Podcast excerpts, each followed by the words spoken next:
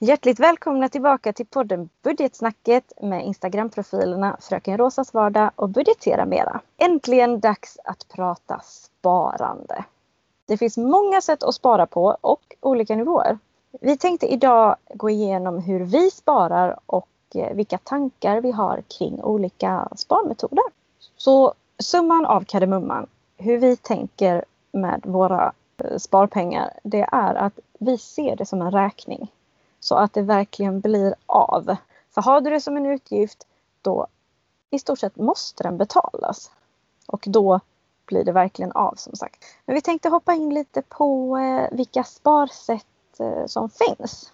Och då om man stolpar upp det så finns det egentligen två sätt att eh, spara på och det är långtidsspar.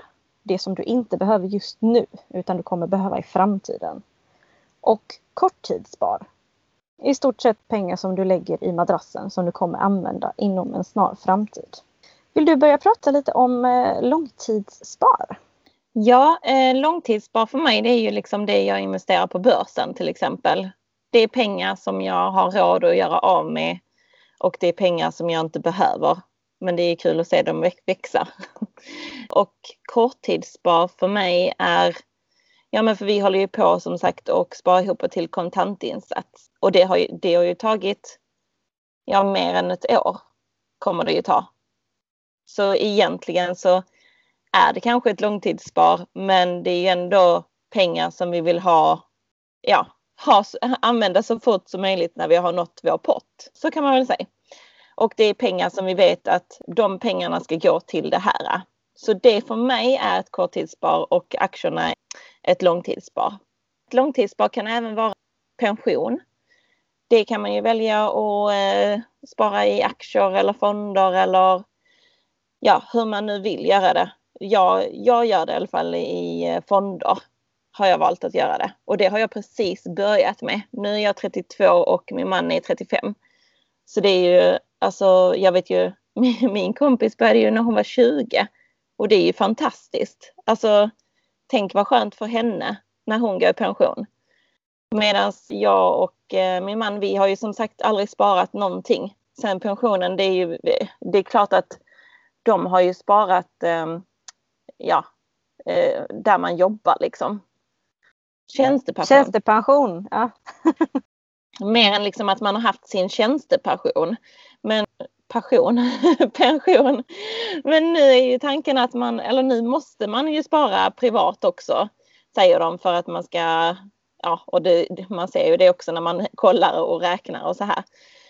Men då eh, finns det också, ja, så då måste man ju börja tänka på det. Och eh, vi kanske började tänka på det sent, men huvudsaken är ju också att man gör någonting. Och vi gjorde det nu i januari, började vi med ett pensionsspar.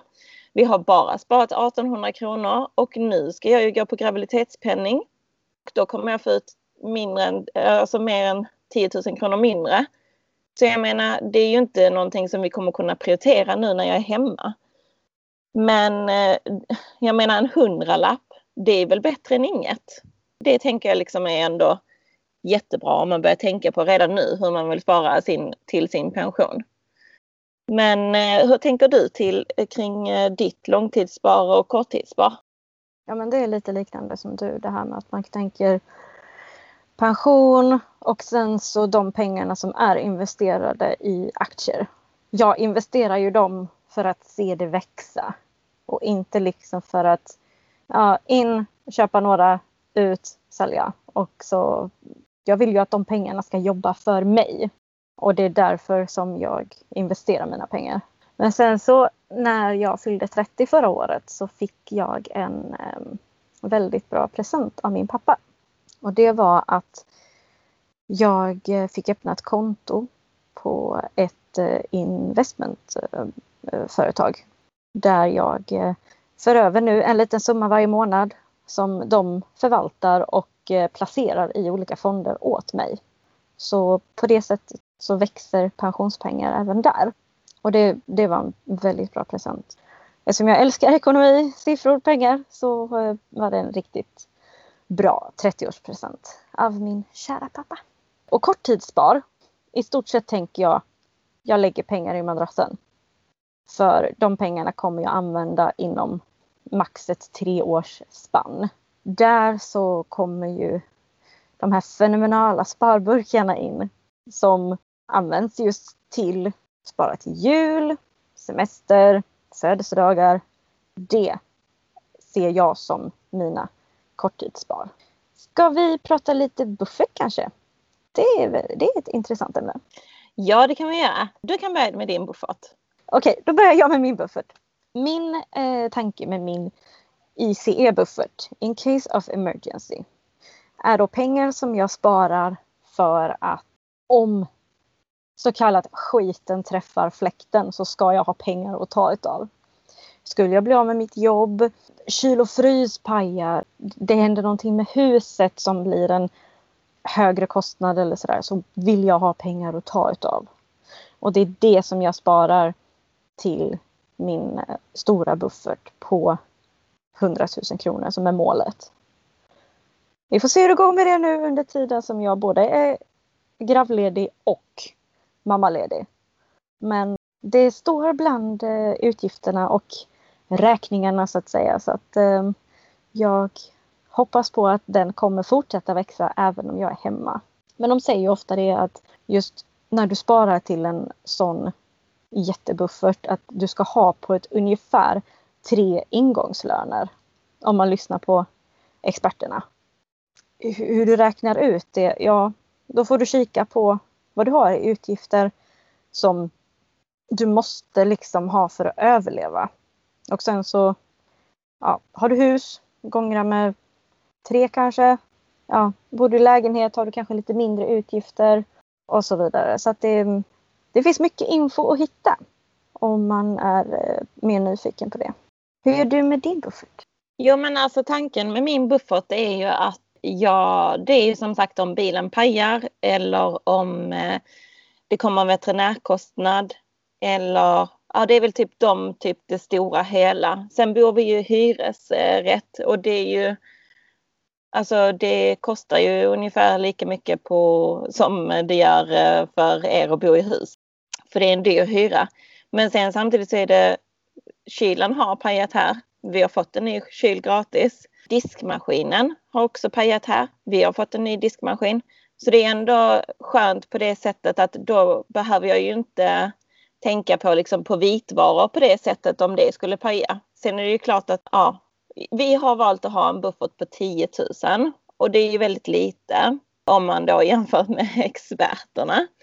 Men det är också bara för att vi har ju det här eh, andra målet att vi vill så småningom köpa oss en bostad. Och då är det ju så att vi, eh, ja, det går ju liksom det största sparandet till. Det är därför också jag inte sparar så mycket till födelsedagar och sånt utan jag försöker hitta det i min, ja, är det en månad då någon fyller år så eh, försöker jag hitta pengarna någon annanstans än att ta det från spar eller buffert då. För tanken är ju att man, ja, man behöver ju 15 procent och då tar det ju en tid att komma upp i 15 procent. Så tanken med vår buffert är ju, eller jag valde att vi skulle ha en buffert på 10 000 bara. För att när vi började spara till vår buffert så hade vi 30 000. Men då så var det ju någon månad som det sprack och bilen pajade. Vi hade veterinärkostnader och allting så det sjönk ju väldigt drastiskt och väldigt fort på det kontot. Och då så skulle jag börja spara om på detta och komma upp i 30 000. Och det tog ju jättelång tid. Det blir ju liksom att då fick ju mina andra, mitt andra, alltså hussparet, då fick det ju vänta. Och det var ju inte alls tanken. Så därför har vi känt att 10 000 det är rimligt, det går mycket fortare att komma upp i och det är ändå en bra buffert att stå på om det händer någonting. Och sen så, jag menar skulle det bli skit av pannkakan, ja då har vi ju hussparet också som man kan ta av men det är liksom big no-no egentligen för mig. Men, men eh, alltså det finns pengar men de pengarna är ju menat att använda till något helt annat. Så det är väl det vi tänker liksom med vår eh, buffert. Så det var väl det tänker jag. Ja, bara där ser vi ju också vilken skillnad det är på att du bor i hyresrätt, jag har hus. Typ vitvaror, det behöver inte du tänka på, men det behöver jag. Och därav behöver jag ha. en högre buffert till exempel. Jo precis, så är det ju verkligen. Jag menar sen samtidigt som du snackar om att din buffert det ska hålla eller den ska gå också till om ni blir arbetslösa eller så här.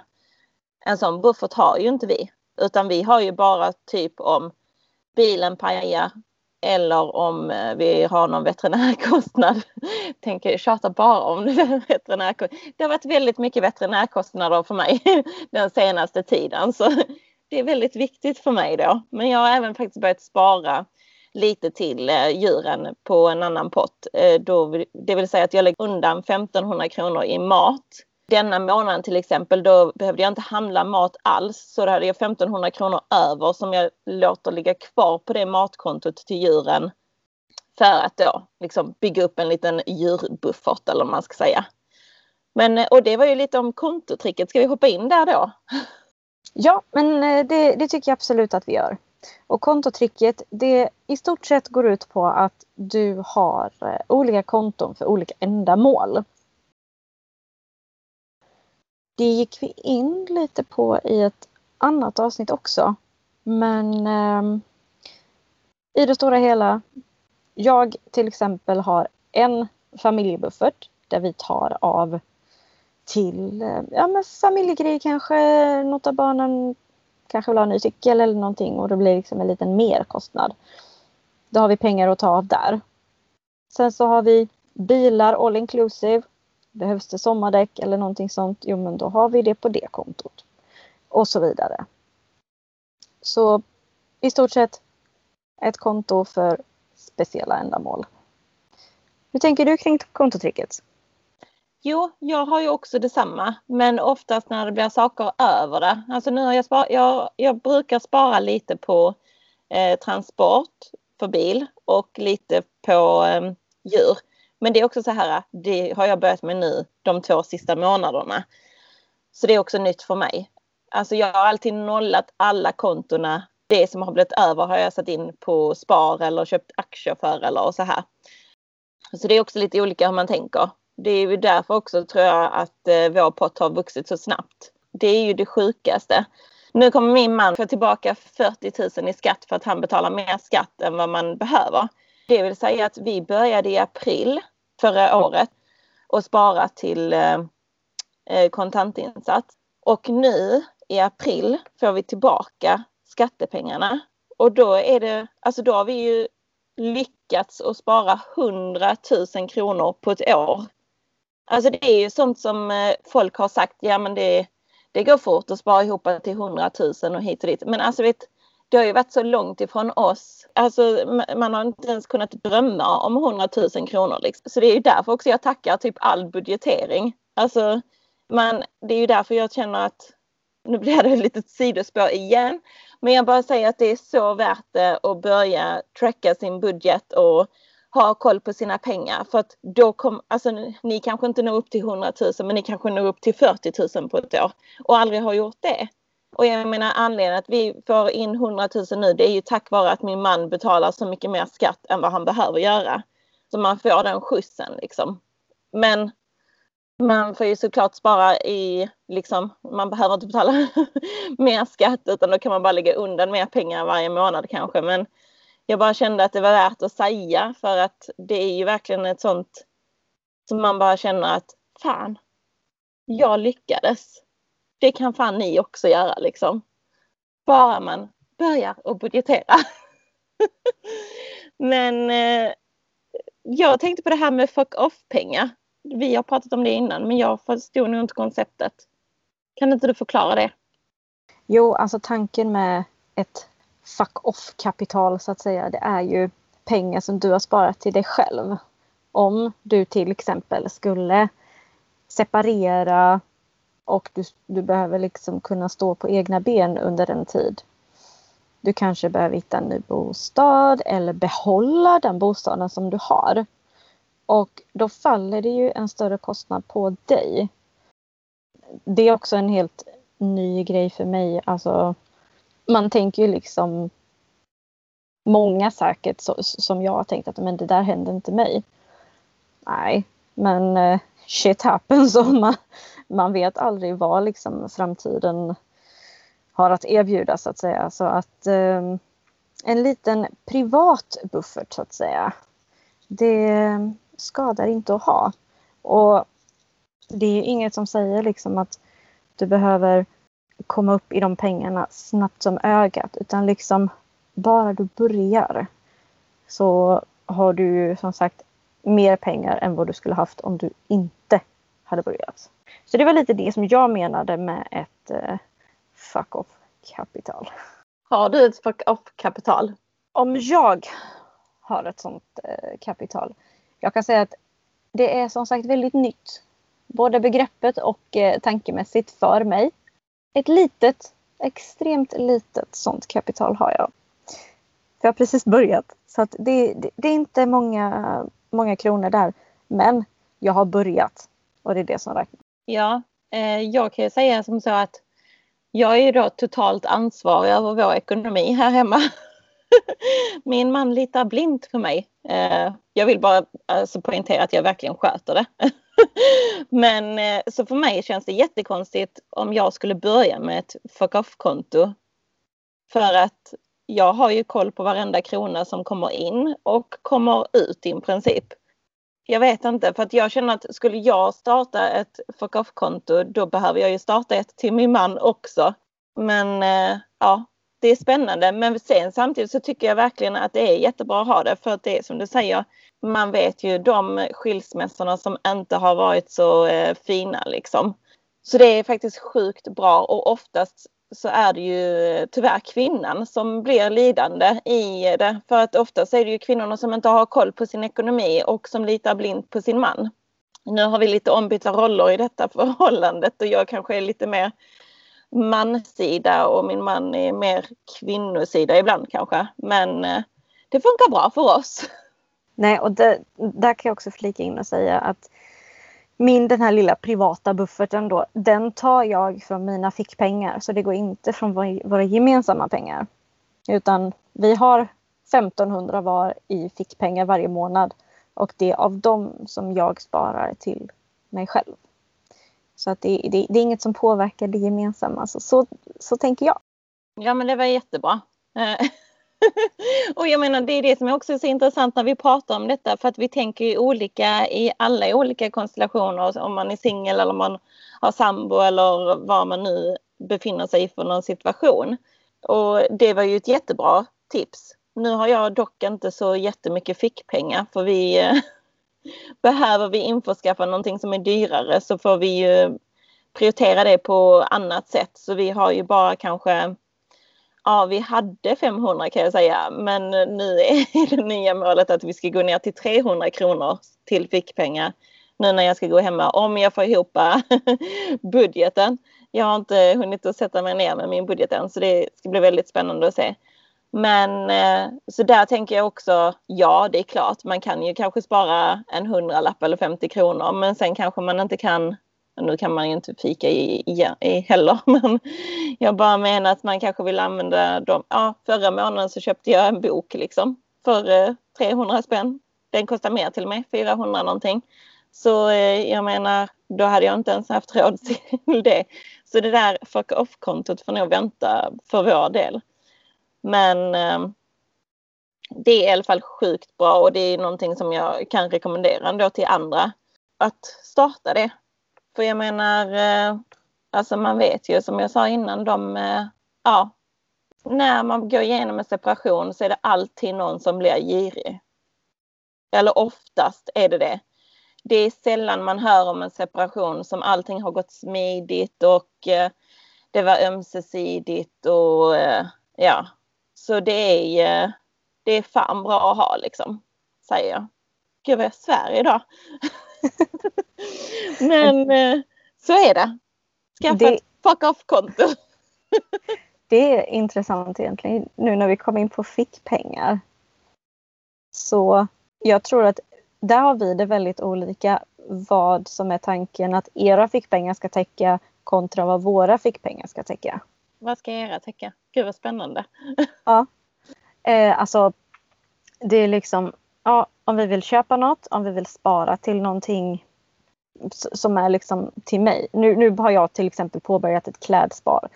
För att jag kommer behöva lite sommargravidkläder till exempel. Så att då har jag liksom börjat att tänka att ja, men den summan av mina fickpengar ska sparas till.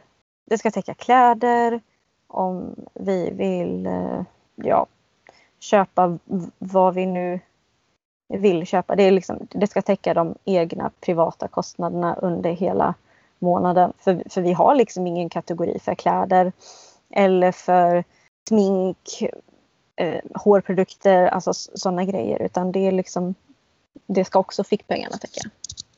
Ja, men eh, jag tror att det är tillsammans som är tanken. Alltså, det är bara mer att nu kommer det gå ner därför att jag känner att det är inte någonting vi kan prioritera nu när jag får ut så lite. Sen är det ju det också, det kanske ska räcka till eh, när min man är och fiskar om han behöver handla någon, eh, någonting eller ja, och mina pengar är ju också, alltså det ska jag täcka kläder och så. Men eh, alltså jag vet inte, jag har ju det här med graviditetskläder. Jag har, blivit, har varit så jäkla snål mot mig själv. alltså nu går jag här, jag har jag har bara köpt graviditetsbyxor. Jag har ett par mjukisbyxor, två leggings och eh, fyra styckna strumpbyxor. Det är det jag har handlat. Sen har jag faktiskt använt alla mina kläder och ja, det sitter tajt. Men eh, det, äh, det gör ingenting. Det är bara en månad kvar också. Så jag känner att jag är alldeles för snål för mig själv att köpa graviditetskläder där. Jag är redan på slutspurten känner jag. Men, men sen så tänker jag det här med, eh, alltså jag tänker mer typ, för min man älskar ju funktionskläder till exempel. Typ eh, ja, men skogsbyxor eller om det är liksom ett dyrare plagg och man inte har råd så har vi ju pengar. Det är bara mer att vi får liksom budgetera för det i så fall. Det är väl inte men jag menar jag springer ju på loppis. Jag handlar jättemycket kläder eh, second hand. Eller jag har inte gjort det nu när jag varit gravid. Så det är ju därför också att mitt klädkonto är på noll för att jag inte är på second hand butiker. Ja men det löser sig i alla fall. Alltså det finns ju pengar att ta för men är det då att man vill ha något dyrare då får man ju liksom bara prata om det och sen så får vi ju se var vi kan hitta de pengarna någon annanstans.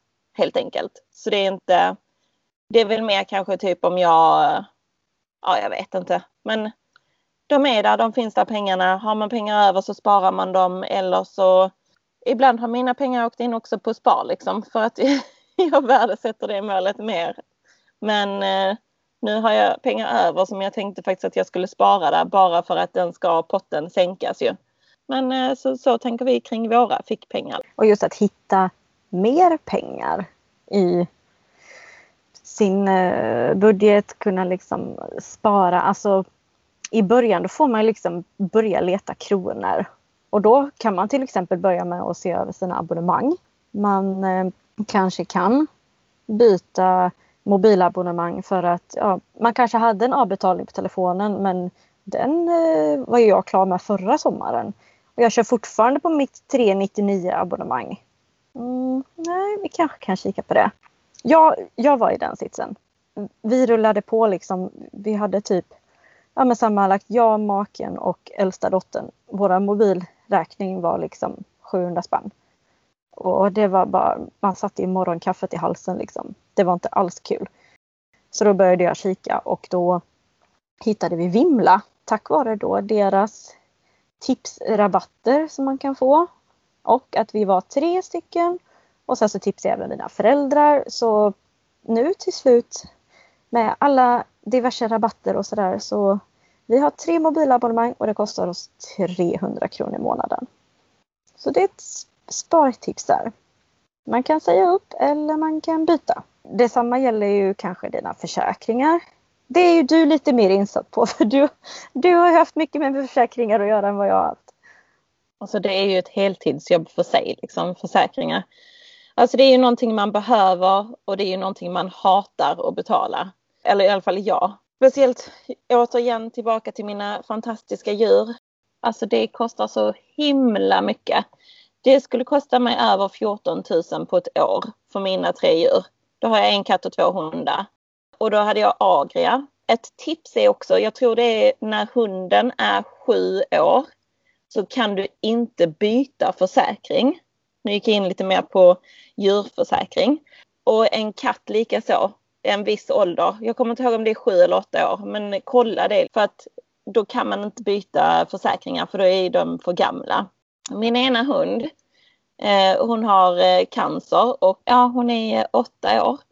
Så hon kunde jag ju inte göra någonting åt. Det var ju bara, du fick jag betala. Och sen så hade jag en katt som är 11 år och det var också bara att betala. Och det var också så här, nu detta året så höjde de försäkringarna sjukt mycket. Men på Agria, på hunden, så kunde jag gå med i en, vad heter det, hundklubb, hade de som erbjudande då. Och då betalade jag 400 kronor, men då fick jag typ så här 1500 kronor i rabatt totalt. Så det var ändå värt att gå med i den hundklubben. När jag kollade på katten så var det inte lika mycket värt för att du, alltså det var 50 spänn tror jag eller någonting som jag hade tjänat. Men det är ju upp till var och en. Men där höjde de eh, hans eh, försäkring på tusen spänn på ett år bara liksom. Så det är bra om man ringer och kollar varje år alla sina försäkringar. Hemförsäkringen hade vi på Trygg-Hansa till exempel. Gud, nu känner jag att jag hänger ut alla företag. Men det är inte tanken. Alltså det är jättebra företag, det är det. Och jag menar det är ju, alltså ja, det är jättebra företag. Men jag vill ju liksom att det ska vara billigare. För jag tycker att det är tråkigt att betala. Jag tror att vi hade en hemförsäkring på över 1500 kronor om året. Men nu så tog jag den via facket istället. Eller man fick gratis hemförsäkring i facket. Men då valde jag att lägga till en sån här allrisk drulleförsäkring. Eftersom vi bor i hyres så behöver vi inte ha, ja, det är ju bara liksom sakerna vi äger i lägenheten. Då betalar jag 750 kronor om året. Så det var också så här äh, pengar jag kunde plocka därifrån. Eh, jag tror, och sen så flyttade jag min andra hund. Det var ju liksom så här i sista minuten för han fyller år nu i april. Eh, och då hade han blivit för gammal så jag flyttade han i januari. Och då när jag flyttade honom så tjän, alltså då sparade jag 2 500 bara genom att byta försäkring. Så det är alltså, det krävs tid, det gör det, men det kan vara så värt det. Och det är samma sak som nu eh, med min, mitt telefonabonnemang. Jag har ju varit också i tankarna att byta till Vimla eller till något annat företag. Jag har inte riktigt bara satt mig in i den. Men då har jag, min kostar 269 eller något sånt nu. Eh, jag har Tele2. Och då så rätt som det är så får jag ett sms att eh, nu ska de höja min SOR för det ska bli 10 kronor dyrare. Och jag blev typ irriterad för att det var 10 kronor. Alltså det är inte mycket på ett år. Men det var ändå så här att fast jag har ju tänkt att jag ska byta och då ska de ge mig någonting som jag inte vill ha och som är dyrare. Men då visade det sig att de, för jag hade 10 gigabyte och de skulle ta bort det. Så nu hade de bara 2 och 12 tror jag. Jag tror det var det. För jag har varit i tankarna om jag ska gå ner till 4 men den fanns inte det alternativet heller ju. Men bara för att jag ringde så sa hon, ja men då får du ditt gamla pris. Så då fick jag tillbaka den tian bara genom att lyfta telefonen. Så det är faktiskt värt det att kolla upp eh, sina försäkringar och sina abonnemang och allting och jag brukar faktiskt årligen ta en koll liksom. Eller jag, om jag vet typ att ah, men denna månaden är det bilen. Ah, men vad kan jag göra där?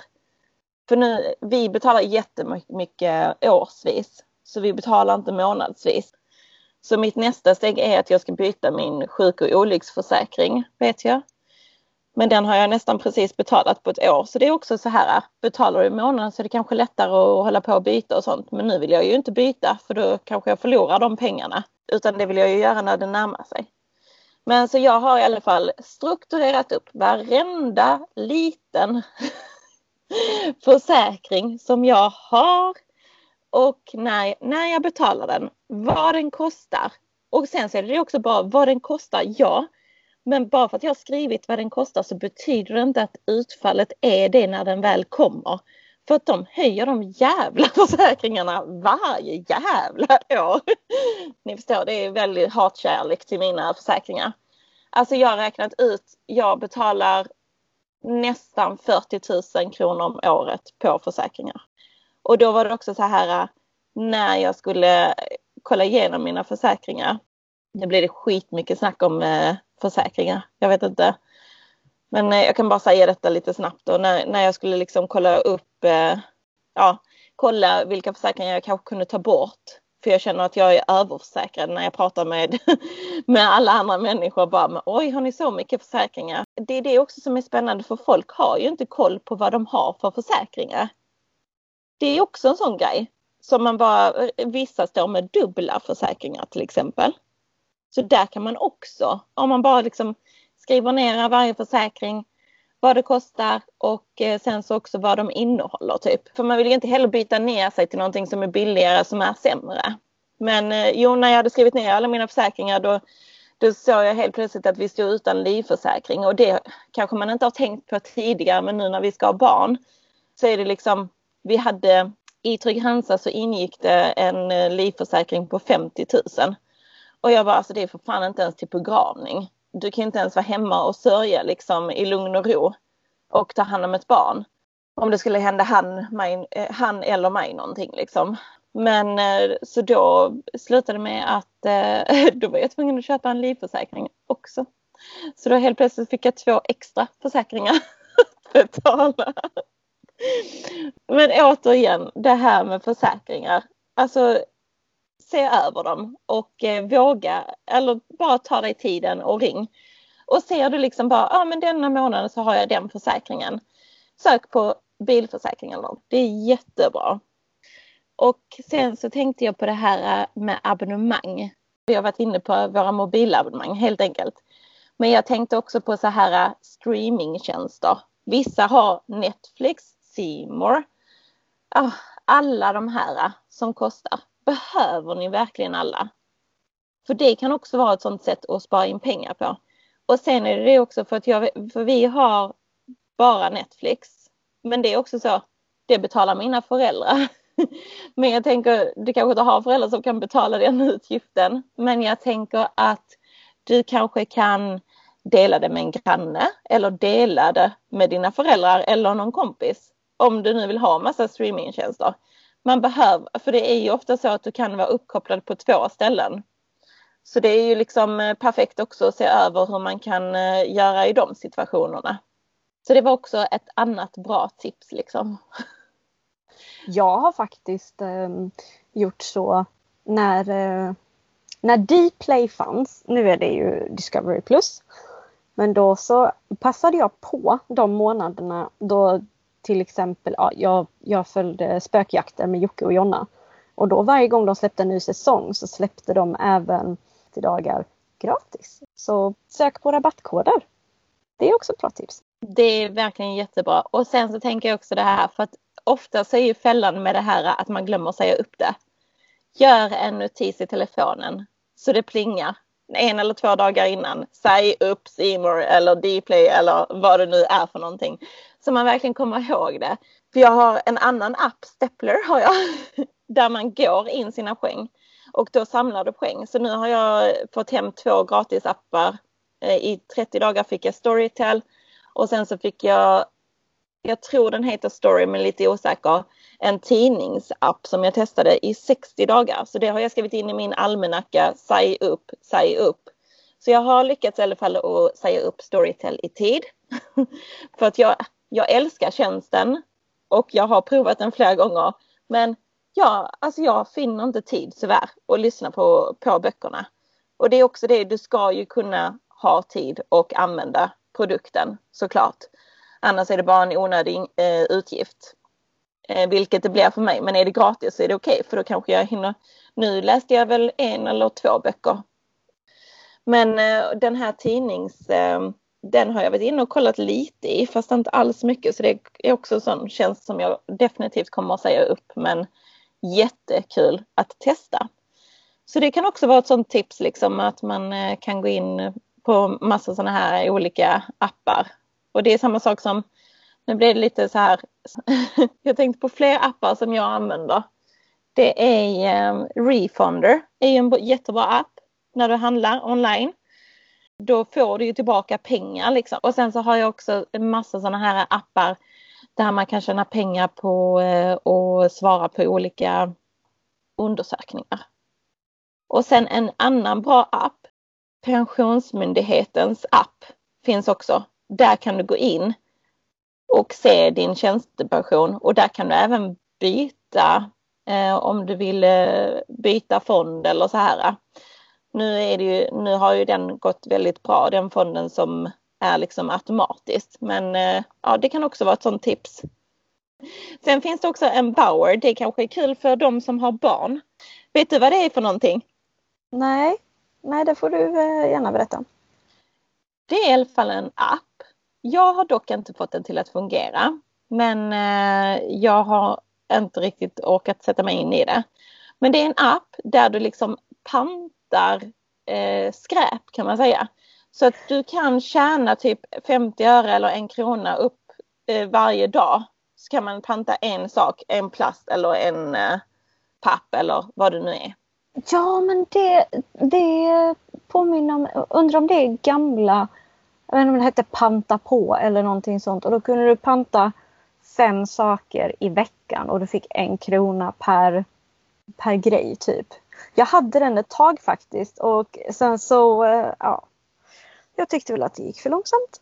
Så eh, då så ehm, plockade jag ut de 25 spännen eller vad det var nu jag hade. Och sen så avslutade jag det.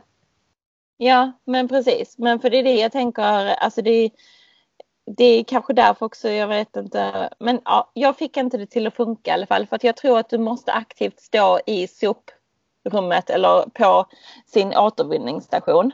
Men bor man i hus så är det ju, alltså jag menar skicka ut barnen. Det är ju jätteskönt. Slipper du gå ut med soporna.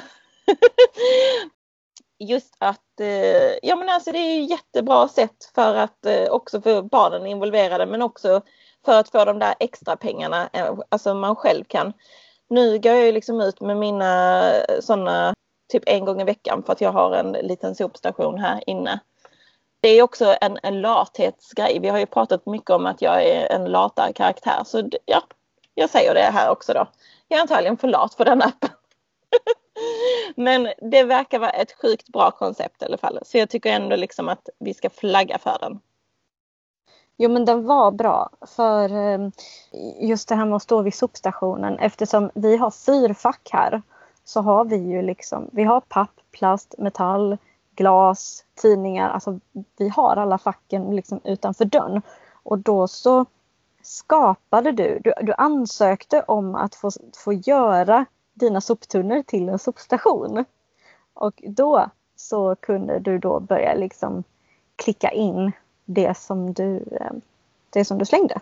Och jag har min sopstation, alltså jag menar herregud, alltså jag går ut med mina hundar varje dag. Så att det är inte så svårt. Jag hade ju kunnat göra det en varje runda liksom. Eller man kan bara göra det en gång om dagen. Men, så jag hade ju kunnat göra det. Men jag tror när jag väl skulle gör, börja göra det så visade det sig att den tar ju inte alla produkter. Så jag tror jag har läst på det lite, jag för mig, men jag är inte säker på detta. Men man kan ju läsa, ta ner den själv och läsa liksom. Men jag har för mig att det var mycket Coops, eh, Coops produkter. Och det är en affär som jag handlar sällan i. Så det vill säga att då var det inte så mycket produkter som jag kunde panta här hemma. Liksom. Så det är väl liksom det som är nackdelen. Men det kan ju vara att den har uppdaterats med det nu också. Så det, men jag menar prova och det är väl också ett jättebra sätt att eh, få barnen att tjäna, tjäna en extra peng och eh, hjälpa till där hemma så man slipper tjatet. Ja, och sen så har vi också då här de visuella mallarna som vi oftast pratar om. Det är liksom, jag älskar, men eh, vi båda älskar kan jag ju säga. Jag kan prata för oss båda nu tror jag. Att vi båda älskar att sitta ner och pyssla med våra mallar. Och färglägga i olika färger och sitta och räkna och knopa och ha oss liksom. Så då är det liksom, vi vill lyfta de här sparburkarna. Och det, även de kan ni skicka DM till oss så kan vi eh, skicka till er. Eh, sen har vi även spardiagram. Budgetfröken har eh, spardiagram som man kan ta ut om man vill. Jag tycker om den mallen för att du ser också typ i januari sparade du så mycket, i februari sparade du så mycket och så vice versa så ser du hur mycket du har sparat varje månad. Och det är jätteroligt att se i slutet av året vad man har åstadkommit. Exakt. Och detta spardiagrammet det använder ju jag på min eh, Instagram varje gång som jag eh, avslutar min eh, månadsbudget. Så då lägger jag upp en bild på mina olika staplar och så skriver jag även då summan på hur mycket som jag lyckats spara den månaden. Så om ni vill ha ett exempel så får ni jättegärna gå in och kika där.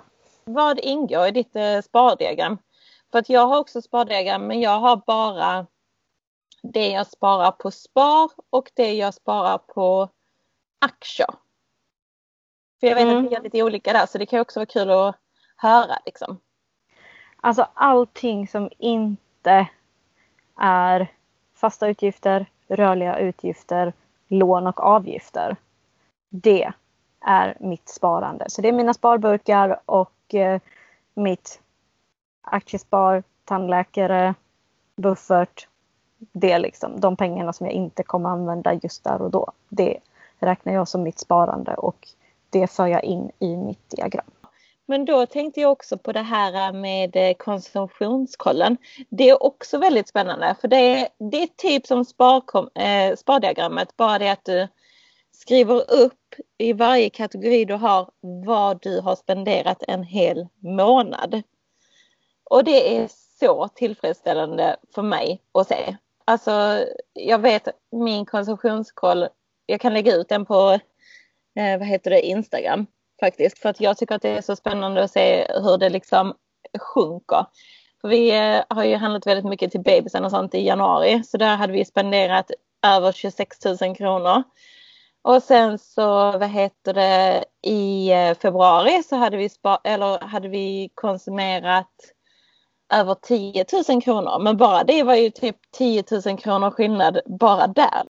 Och sen så nu i mars så hade vi, eller ja, gjort av med mer än, ja nästan 8 000. Så det är också kul liksom, och sen så är det ju inte säkert att det sjunker varje gång. Jag menar nästa månad kanske vi har 10 000 eller mer. Men det är ändå väldigt roligt att se sen liksom när man har hela året framför sig och bara shit vad mycket eller shit vad bra eller ja så här. Så eh, jag har nog egentligen ingen tanke om det utan jag tycker bara att det är kul att se hur mycket pengar man gör av med faktiskt. Har du någon annan eller har du, använder du konsumtionskollen? Det är också förresten på budgetfröken måste jag säga, denna mallen. Så spardiagrammet och konsumtionskollen och sen så köpkryss som vi också kommer gå in på är från henne som man kan hitta på hennes hemsida. Jag började med konsumtionskollen eh, förra året. Men eh, eftersom jag inte kom igång aktivt med den typen av budgetarbete som jag gör nu förrän i typ april, maj så eh, blev liksom januari till april blev bara rörigt och det var alldeles för mycket jobb typ så att jag bara nej. Jag, eh, jag skippar det så att jag börjar med det nu i år istället för att kunna jämföra med eh, kommande år sen. Ja, eh, men det är jättebra. Jag började också detta året. Men sen så tänker jag det också bara, det gör ingenting om man börjar i februari. Eller om du börjar i mars eller om du börjar i juli eller augusti. För jag tänker att då har du ju ändå när, när året är slut, då har du ju de siffrorna de fyra månaderna att se tillbaka till. Så jag tycker nästan bara mer att man ska bara börja liksom även om det är mitt i eller om det är Precis, för det vet jag också med eh, själva den stora budgetmallen, eh, månadsbudgeten och veckobudgeten. Jag har jättemånga kompisar som jag har skickat mallar till nu som också har velat eh, kicka igång och starta och ta makten över sin ekonomi. Jag tycker det är jätteroligt och jag älskar det för att då får jag även prata om deras ekonomi och min ekonomi. Jag får prata om ekonomi hur mycket jag vill liksom. Jag säger ju till dem att det är bara att starta, alltså starta och då är det många som bara, men jag ska vänta till eh, jag får lön eller så bara. Absolut, det kan ni göra, men det är ändå bra om man bara liksom man bara startar. Det är det viktigaste. Även om du startar mitt i en månad, för då kan du fortfarande starta med veckobudgeten till exempel, för då har du också någonting att gå på. Och sen så vet jag också de som har frågat när man eh, nu när de ska starta upp eh, den eh, ja, nu kommer det ha varit den 25 mars, men vi sitter här idag den 25 mars och spelar in. då säger de det att ja, men jag kanske inte ska göra veckobudgeten.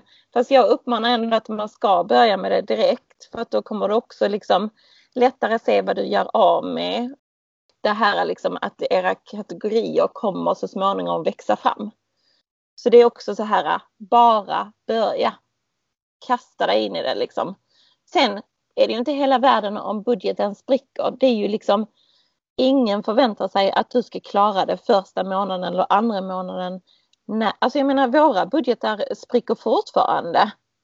Så det är inte så att eh, bara för att vi har gjort detta ett år så är vår budget perfekt. Nej, nej, nej. För att det kan fortfarande, livet kan komma emellan, det kan komma en oväntad utgift som inte vi har räknat med eller någonting. Eller ja, jag var lite extra lat denna eh, månaden så att jag råkade överkonsumera matkontot för att jag handlade för mycket utemat eller roligt kontot eller vad det nu kan vara. Ja, men eh, då, alltså då är det så. Fast eftersom att du budgeterar så kommer du fortfarande se, har jag pengar kvar? Kommer jag gå minus eller back? Har jag pengar där jag kan ta ifrån? Eller alltså, ja, så man inte liksom, så man i alla fall får det att gå runt. Det är det som är det viktigaste. Men köpkryssen då? Låt oss prata om köpkryssen. Jag har ju en sån här hatkärlek till de här eh, köpkryssen. Och ja, jag kan sluta använda den mallen helt. Det är i alla fall en mall som du har, eh, ja, jag skriver i datumet 25 till den 25 för det är det jag har budget för. Och det är så enkelt så att ett grönt kryss om du har haft en köpfri dag och ett rött kryss om du har haft en dag då du köper någonting. Och saken är det att jag vill ju liksom ha så lite röda kryss som möjligt. Men jag misslyckas och misslyckas och misslyckas hela tiden. Så jag har en hatkärlek till den. Men jag vill ändå använda den för att jag tycker att det, alltså du vet, det blir ändå en så här liten extra grej. Så bara, fast jag vill klara det. Någon gång kommer jag ju klara det. Om jag bara fortsätter, tänker jag. Vad tycker du? Jo, alltså det som jag gillar med köpkryssen det är att du får en medvetenhet om hur pass ofta du faktiskt drar ditt kort eller om du nu använder kontanter, hur, hur, ofta du är i en affär. Det är ju också liksom en extremt bra grej till att vilja handla mindre. För som du säger, man, man vill ha majoritet gröna kryss. Då kan man tävla liksom lite mot sig själv. Att amen, denna månaden så satsar jag i alla fall på att ha fler gröna än röda. Det är en start. Men just som sagt att öka sin medvetenhet om hur ofta man handlar. Det tyckte jag var eh, det första jag lärde mig med köpkryss. Jag tänker att jag eh, faktiskt lägger ut både min konsumtionskoll och köpkryss kommer finnas på mitt Instagram-konto. Så man kan kolla hur det ser ut hos mig. För jag tänker eh, det är kanske lite svårt också om man inte man vet inte vad vi pratar om i alla fall. Så det kommer att finnas inlägg som man kan eh, kolla på eh, Instagram.